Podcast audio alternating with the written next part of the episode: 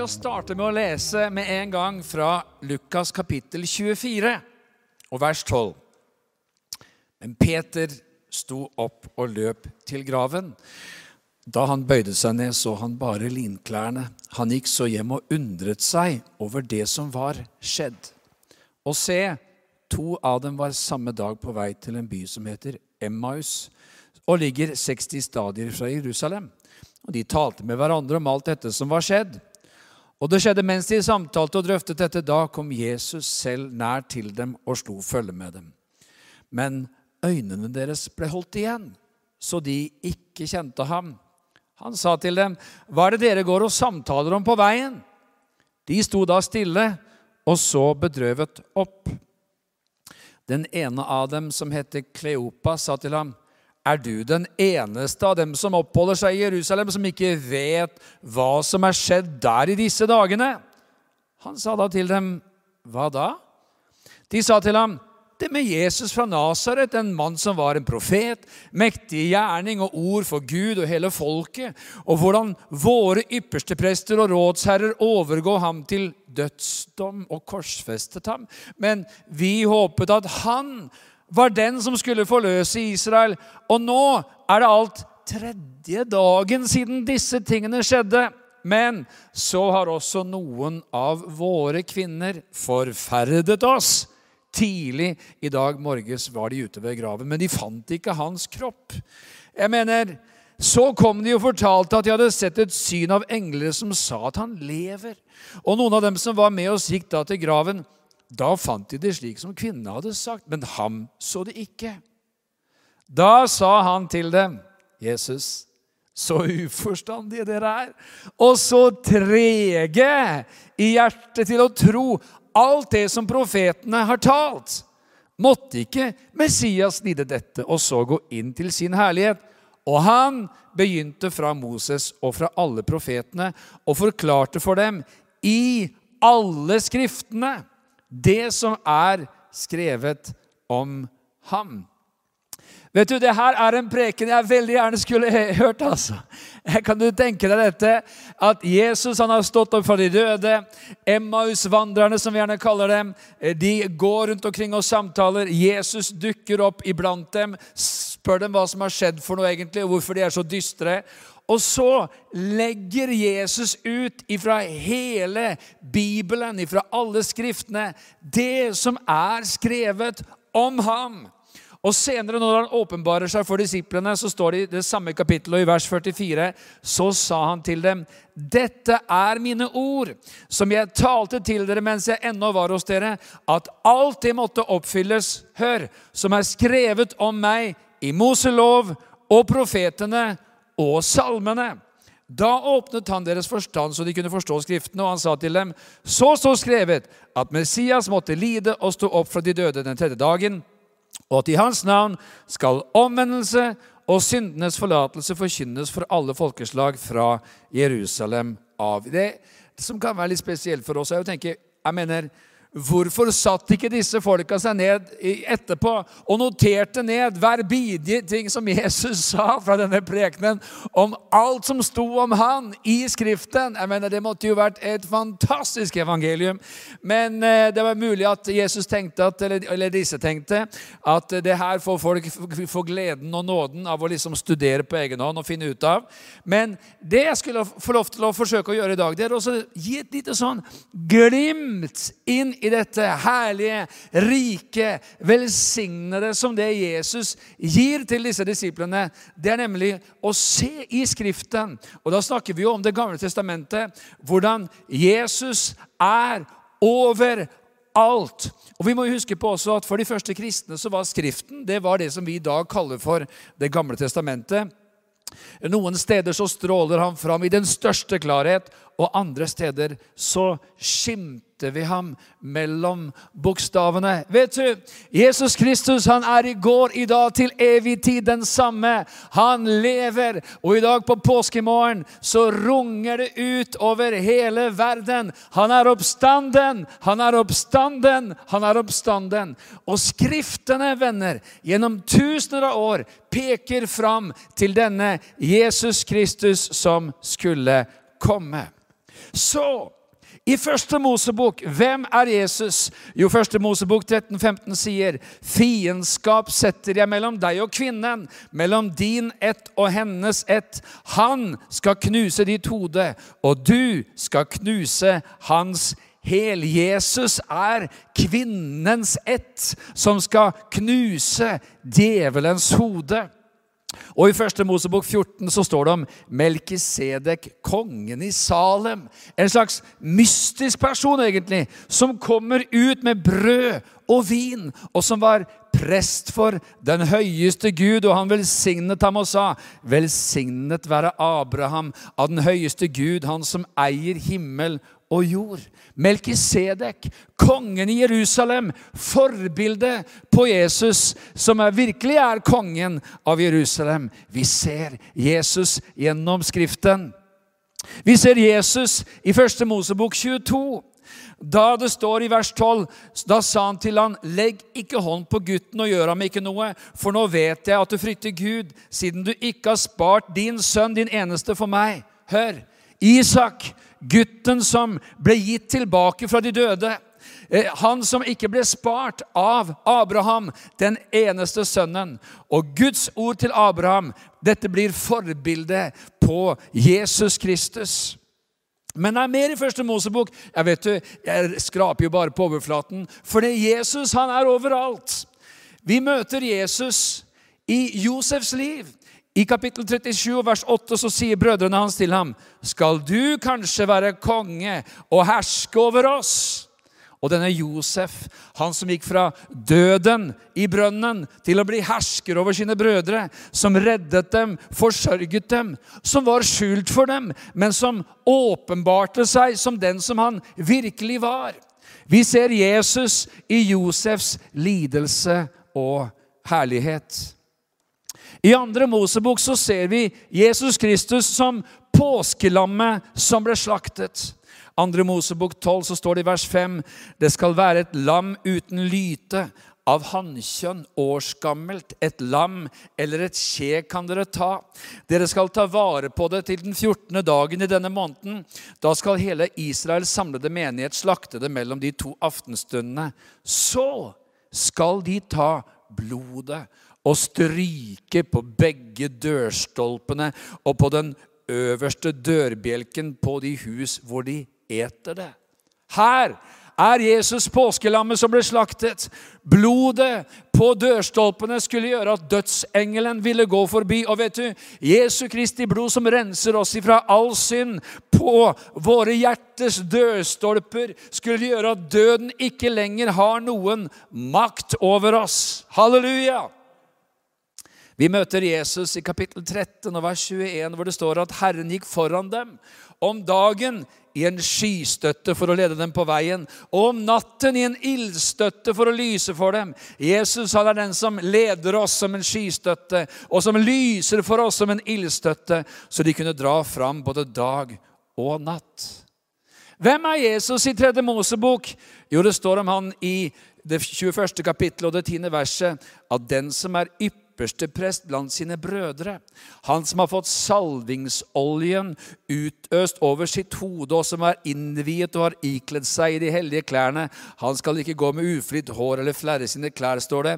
I tredje Mosebok så stråler Jesus Kristus fram som den som er vår ypperste prest. Hvorfor? Fordi alle offer peker fram til det fullkomne offer som bare han kunne gi, nemlig seg selv. I fjerde Mosebok så møter vi Jesus. Vi ser Kristus i første Mosebok 24 vers 17. I en forunderlig situasjon hvor profeten Biliam, denne merkelige mannen som det er mye å si om, står på Moabs topp og ser utover noen millioner israelitter som står nede ved slettene på den ene siden av Jordan, der hvor Jeriko ligger på den andre siden. Og så ser han i ånden noe som skal komme, og han sier, 'Jeg ser ham, men ikke nå. Jeg skuer ham, men ikke nær.'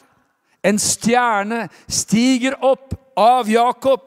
Et spir løfter seg fra Israel. Kan du tenke deg?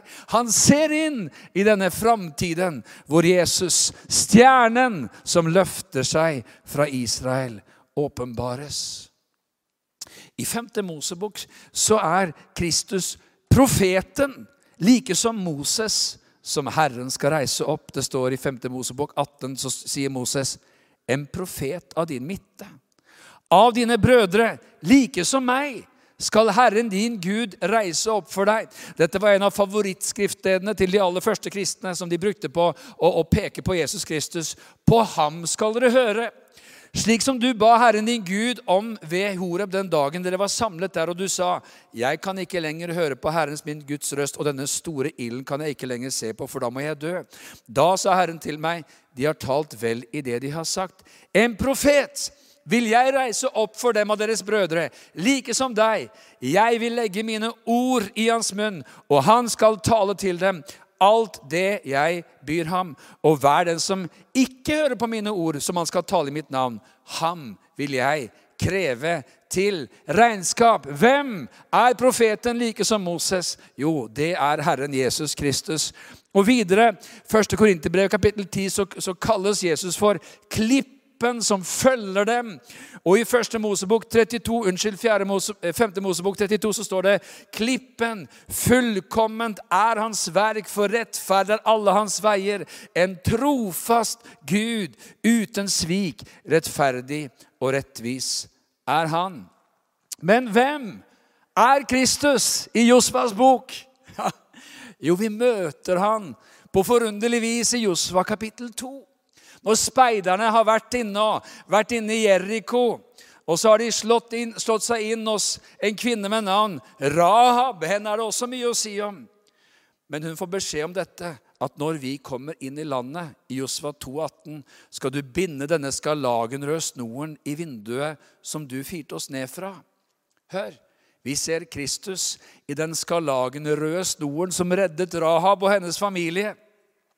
Det står nemlig i Josva 6,25 at etter at israelsfolket hadde inntatt Jeriko, så var det kun ett hus som ble reddet. Én husstand som ble reddet. Og hun ble boende blant Israels folk inntil denne dagen. Hør, den skarlagenrøde tråden som reddet hennes liv, og som inkluderte henne i Israel, det er et forbilde på Jesus Kristus. Den skarlagenrøde tråden gjennom Skriften. Men vi møter han også i Josfa kapittel 5. Vi ser forbildet Jesus Kristus, han som er høvdingen over Herrens hær. For da er det nemlig sånn at Josva møter på en voldsom skikkelse. Og han spør, 'Hvem er du?' Og han svarte i vers 14, 'Jeg er høvdingen over Herrens hær.' 'Nå er jeg kommet.' Men hva er det Josva gjør? Jo, han faller på sitt ansikt til jorden og tilba og sa til ham, 'Hva har min herre å si til sin tjener?' Og høvdingen over Herrens hær sa til Josfa, dra skoen av din fot, for det stedet du står på, er hellig. Og Josfa gjorde så. Kan du huske at det er det samme som skjer når Gud åpenbarer seg i ildbusken, den brennende ildbusken for Moses? Ta av deg skoene på føttene. Det stedet du står på, er hellig grunn. Jeg tror det er et forbilde på Jesus, eller at det er Jesus som representeres. For engler tilbes jo ikke, men denne mannen tilbes. Hvem er Kristus i dommerboken? Vel, kanskje vi skimter han i Dommerne kapittel 13 og vers 17. Da står det at eh, da sa Manoa til Herrens engel, hva er ditt navn? Det er denne skikkelsen, denne engelen, denne budbringeren som kommer for å tale til Manoa og kona hans om en, en, en nasareer som skulle bli født, nemlig Samson. Hva er ditt navn, så vi kan ære deg når dine ord går i oppfyllelse? Men Herrens engel sa til ham, hvorfor spør du om mitt navn? Det er et underfullt navn. Hvem er den som har et sånt underfullt navn? Vel, Det står i hvert fall i Jesaja kapittel, kapittel 9 og vers 6 og 7 at hans navn skal være underfull. Vi ser forbildet i Kristus gjennom denne budbæreren, denne engelen. Og vi ser også Kristus i dommerboken gjennom sju utfriere som setter Israel fri fra sitt fangenskap. Herren, vår dommer og vår lovgiver. Hvem er Kristus i Ruths bok? Lytt til Boas ord til Ruth i kapittel 2 vers 12. Må Herren gjengjelde deg det du har gjort. Gi, du må få full lønn av Herren, Israels Gud, når du nå er kommet for å søke ly under hans vinger. I Ruth kapittel 4 vers 14 så står det at da sa kvinnene til Nomi, lovet være Herren, som ikke lot deg mangle en løser i dag. Må han få et kjent navn i Israel. Vi ser Kristus i Boas, den som løser Nomi og Ruth, og som gir dem del i velsignelsen, forsørgelsen og arven. Kristus er den sanne forløser. Hvem er Kristus i Samuelsbøkene? Jo, vi ser Kristus i Davids lidelse og herlighet. Vi ser ham i David som beseirer Goliat Israels fiende. Goliat som gjennom alle tider også står som et forbilde på den onde. I Åpenbaringen 22 sier Jesus i vers 16.: Jeg, Jesus, har sendt min engel for å vitne om dette for dere i menighetene. Jeg er Davids rot og ett, den klare morgenstjerne. Hvordan ser vi Jesus Kristus i kongebøkene? Vi leser første kongebok 1023. Kong Salomo ble større enn alle jordens konger i rikdom og visdom. Fra alle jordens kanter kom folk for å se kong Salomo. Hans navn betyr jo fred. Og høre hans visdom som Gud hadde lagt i hans hjerte.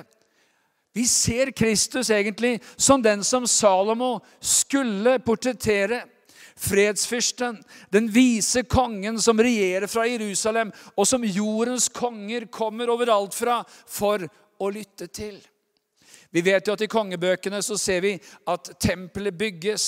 Og vi vet at Jesus er den som er større enn tempelet, sier Matteus 12, 12 kapittel 6. Jesus sier dere, her er det som er større enn tempelet.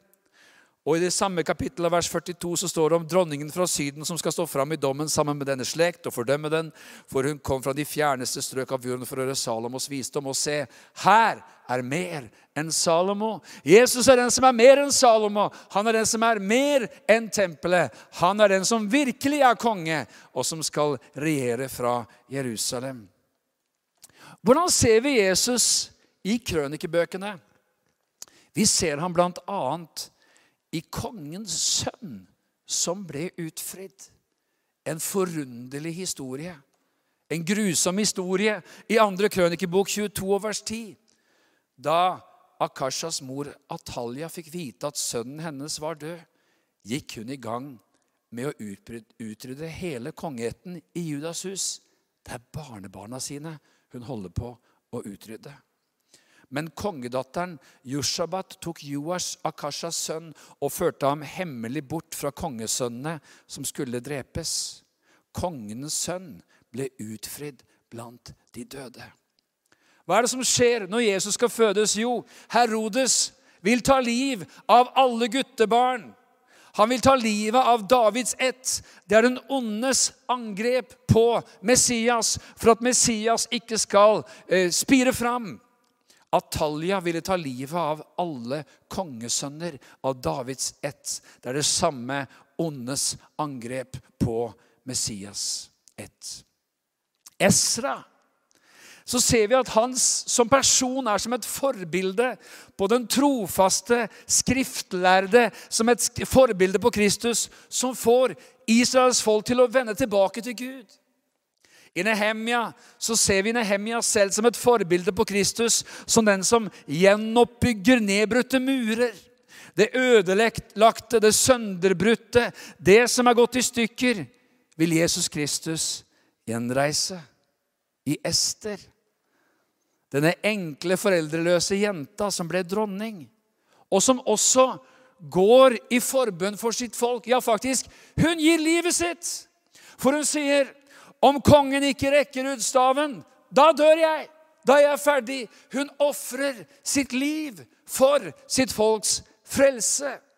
Jesus er sitt folks frelser. Og vi ser også i Esters bok hvordan fienden, Hamans onde planer, djevelens planer for å utrydde folket, overvinnes. I jobb så møter vi Kristus som gjenløseren.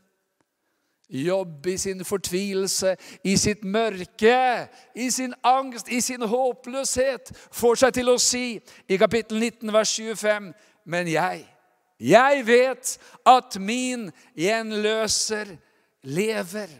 Og som den siste skal han stå fram fra, på støvet. Og etter at denne min hud er blitt ødelagt, skal jeg ut fra mitt kjød skue Gud. Han som jeg skal skue, meg til gode.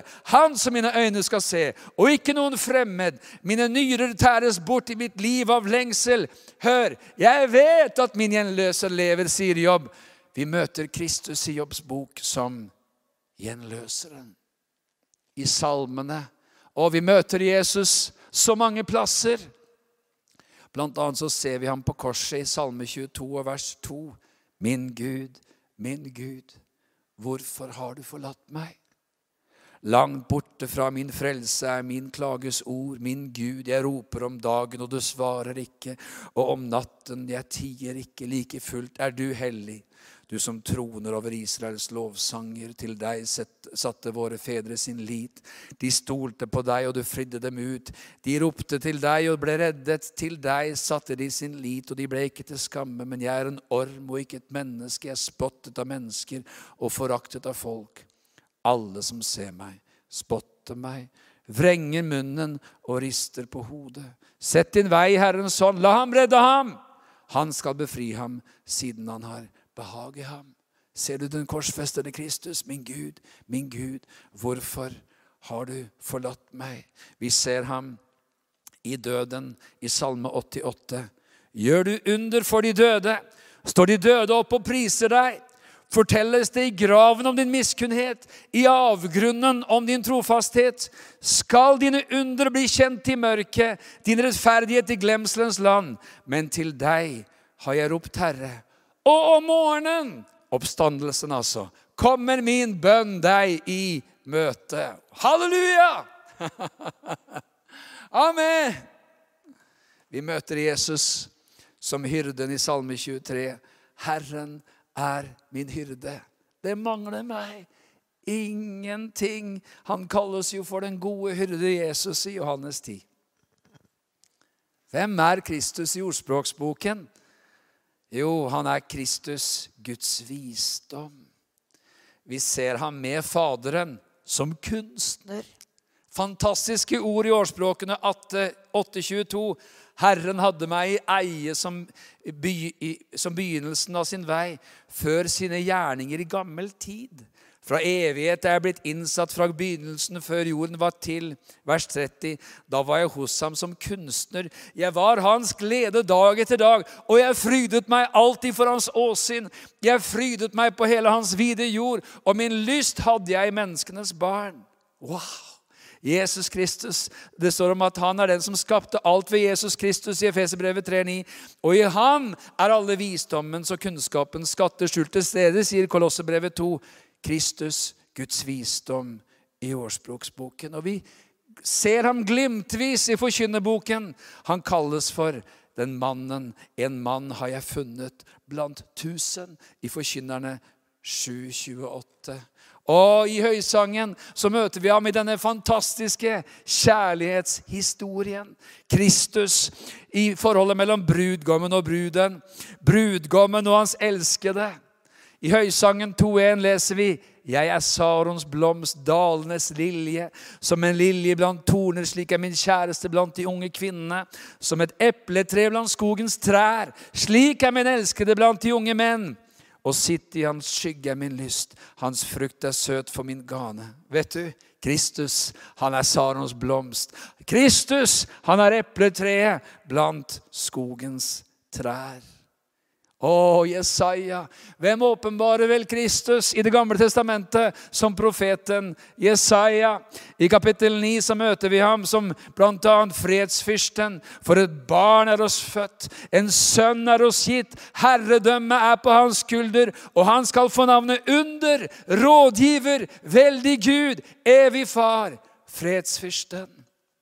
Jesaja 11 sier i vers 1.: Men en kvist skal skyte fram av Isais stubb, og et skudd fra hans røtter skal bære frukt, og Herrens ånd skal hvile over ham. Visdoms og forstands ånd, råds og styrkes ånd, den ånd som gir kunnskap om Herren og frykt for ham. Kristus er kvisten fra Isais stubb, og han er Herrens lidende tjener i Jesaja 53. Sannelig, våre sykdommer har han tatt på seg, og våre piner har han båret. Men vi aktet ham for plaget, slått av Gud, gjort elendig. Men han ble såret for våre overtredelser, knust for våre misgjerninger. Straffen lå på ham for at vi skulle ha fred, og ved hans sår har vi fått legedom. Vi får alle vil som får, så vi vendte oss hver til sin vei. Men Herren lot den skyld som lå på oss alle, ramme ham. Han ble mishandlet, han ble plaget, men han opplot ikke sin munn, lik et lam som føres bort for å slaktes. Vi ser at han er den som lider og dør en stedfortredende død for menneskeheten. Han er Guds offerlam. Jeremia så kalles han for Herren vår rettferdighet. Kapittel 23, vers 5. Se, dager kommer, sier Herren. Da vil jeg la det stå fram for David en rettferdig spire. Han skal regjere som konge og gå fram med visdom og gjøre rett og rettferdighet i landet. I hans dager skal Juda bli frelst og Israel bo trygt. Dette er det navnet han skal kalles med. Herren, vår rettferdighet. Jeremia ser ham der framme. I klagesangene så møter vi Jesus som den gråtende profeten. Og tenk Jeremia gråt over Jerusalem. Jesus gråt over Jerusalem. I Lukas 19, vers 41, da han kom nær og så byen, gråt han over den. Og sa, visste du også du, om en først på denne din dag, hva som tjener til din fred, men nå er det skjult for dine øyne. Og Det interessante det er at i Matteus 16, vers 13 så står det at Jesus var kommet til traktene ved Cesarea Filippi. og Da spurte han disiplene sine hvem sier folk at menneskesønnen er. De svarte noen sier døperen Johannes, andre Elia, andre igjen Jeremia eller en av profetene. Jesus sa, nøyaktig som Jeremia sa, dette huset skal bli liggende øde. I Esekiel så møter vi Jesus Kristus som den sanne hyrde. Esekiel 34, 23. Jeg vil oppreise en hyrde over dem, og han skal røkte dem. Min tjener David, han skal røkte dem, han skal være deres hyrde. Vers 24. Og jeg, Herren, vil være deres Gud, og min tjener David skal være fyrste blant dem. Jeg, Herren, har talt. Halleluja. Han er den sanne hyrde som Gud vil oppreise, og Jesus, han er fyrsten. Han er også den, som det står om i Esekiel 36, 26, som vil gi oss et nytt hjerte og en ny ånd i oss, og som vil ta bort steinhjertet av vårt kjød og gi oss et kjøtthjerte. I Daniel wow, så møter vi ham i kapittel 2 som steinen som blir til et fjell, og som fyller hele jorden. Det er underlige ord som Daniel får se inn i, om framtidens riker. Mens du sto og så på, ble en stein revet løs, men ikke med hender. Den traff billedstøtten på føttene som var av jern og leire, og knuste dem. Da knustes på en gang både jernet og leiren, kobberet, sølvet og gullet. Alt er bilder på ulike riker gjennom tidene. Det ble som agner fra treskeplassen om sommeren. Vinden tok det så det ikke fantes spor etter det. Men steinen som rammet bildestøtten, ble til et stort fjell som fylte hele jorden. Dette er Jesus i hans veldige rike. I Daniel 3 så ser vi at kong Nebukadnesa blir forferdet og reiser seg brått opp når Abrak, Nechab og Abenego er i ildovnen. Han tok til orde og sa til sine rådsherrer, kastet vi ikke tre menn bundet til ilden? De svarte kongen, jo visst, konge. Han tok da igjen til orde og sa, men jeg ser fire menn som går løse omkring midt inne i ilden, og det er ingen skade å se på dem. Og den fjerde ser ut som en gudesønn. Jesus er den fjerde mannen i ildovnen. Den som er sammen med sine venner oh, i prøvelsens stund. I Hosea kapittel 6 så står det om han i vers 2 at han vil gjøre oss levende etter to dager. På den tredje dagen vil han reise oss opp, og vi skal leve for hans åsyn. Vers 3. Så la oss lære å kjenne Herren. La oss søke med iver å lære ham å kjenne. Hans oppgang er så viss som morgenrøden. Hvem er nå dette?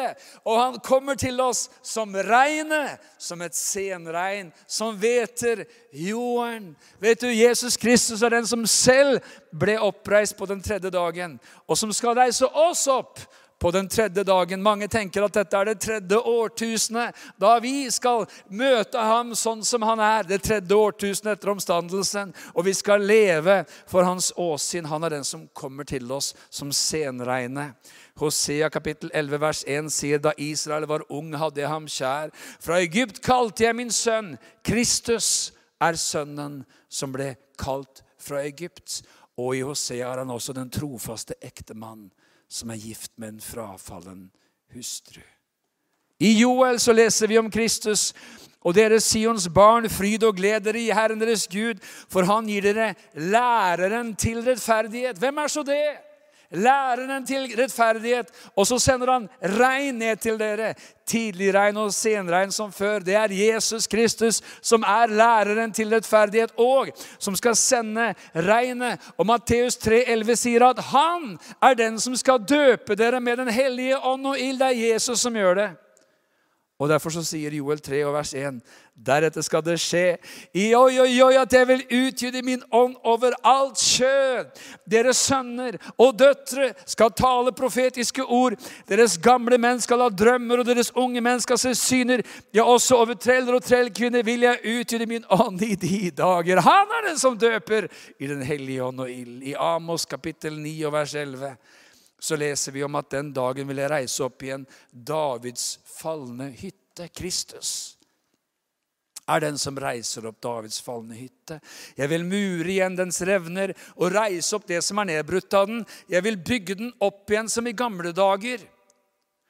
Og når apostlenes gjerninger siterer dette verset, så tilfører det vers 17 i apostlenes gjerninger 15 for at mens, resten av menneskene skal søke Herren.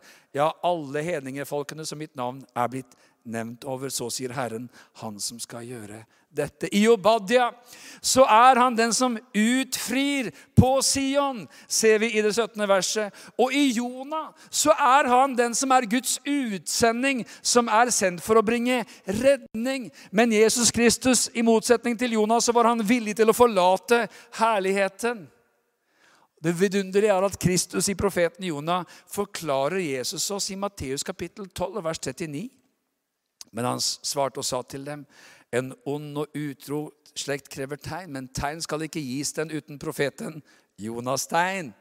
For liksom Jonah var tre dager og tre netter i storfiskens buk, slik skal menneskesønnen være tre dager og tre netter i jordens hjerte.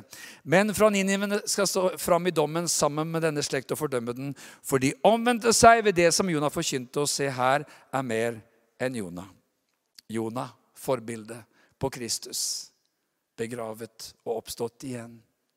I Mika så er Kristus veibryteren som drar foran dem. Kapittel 2, vers 13. Veibryteren går foran dem. De bryter igjennom og drar frem gjennom porten og går ut av dem. Deres konge drar fram foran dem, og Herren er i spissen for dem. Kristus, herskeren over Israel, leser vi om også i Mika kapittel 5. Men du, Betlehem Efrata, som er liten til å være blant Judas tusener, fra deg skal det utgå fra meg en som skal være hersker over Israel. Hans utgang er fra gammel tid, fra evighetsdager.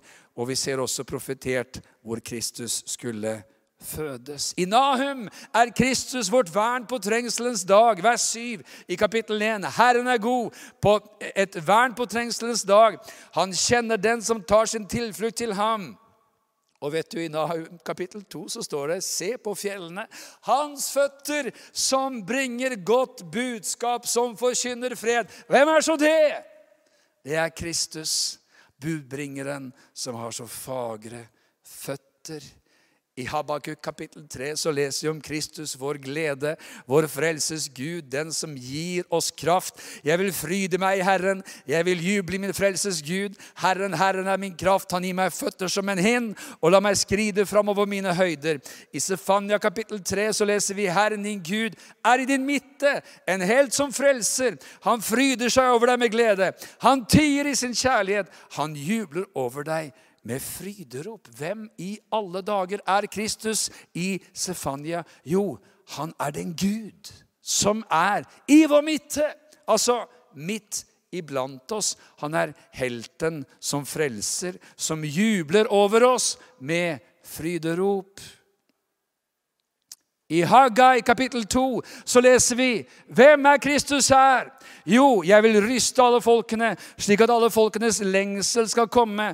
Og jeg vil fylle dette huset med min herlighet, sier Herren, herskarenes Gud.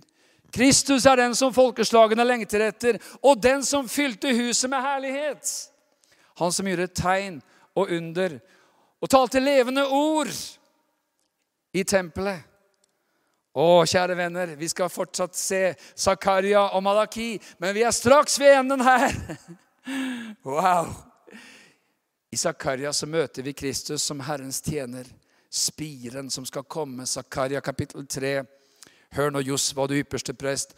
Du og dine venner som sitter her foran dere, dere er varslets menn. For se, jeg lar min tjener Spire komme.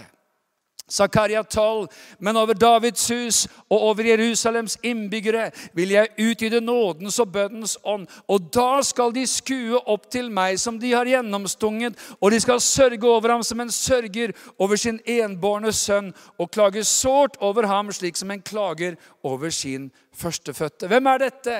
Kristus i Zakaria. Den gjennomstungne, den enbårne sønn, den førstefødte. Kristus er overalt!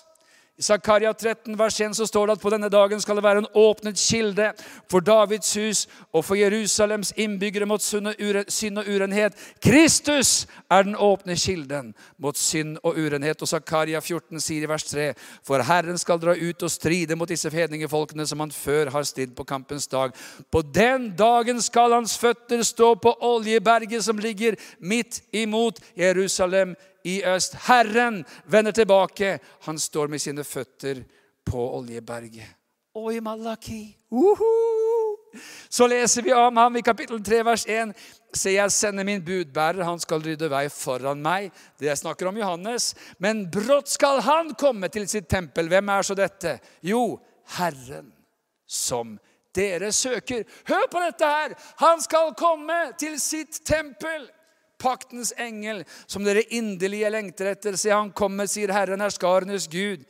Men hvem kan utholde den dagen han kommer? Hvem kan bli stående når, han åpenbarer seg? For han er en som smelter ild, og som vasker lut. Kristus er Herren som kommer til sitt tempel, paktens budbærer.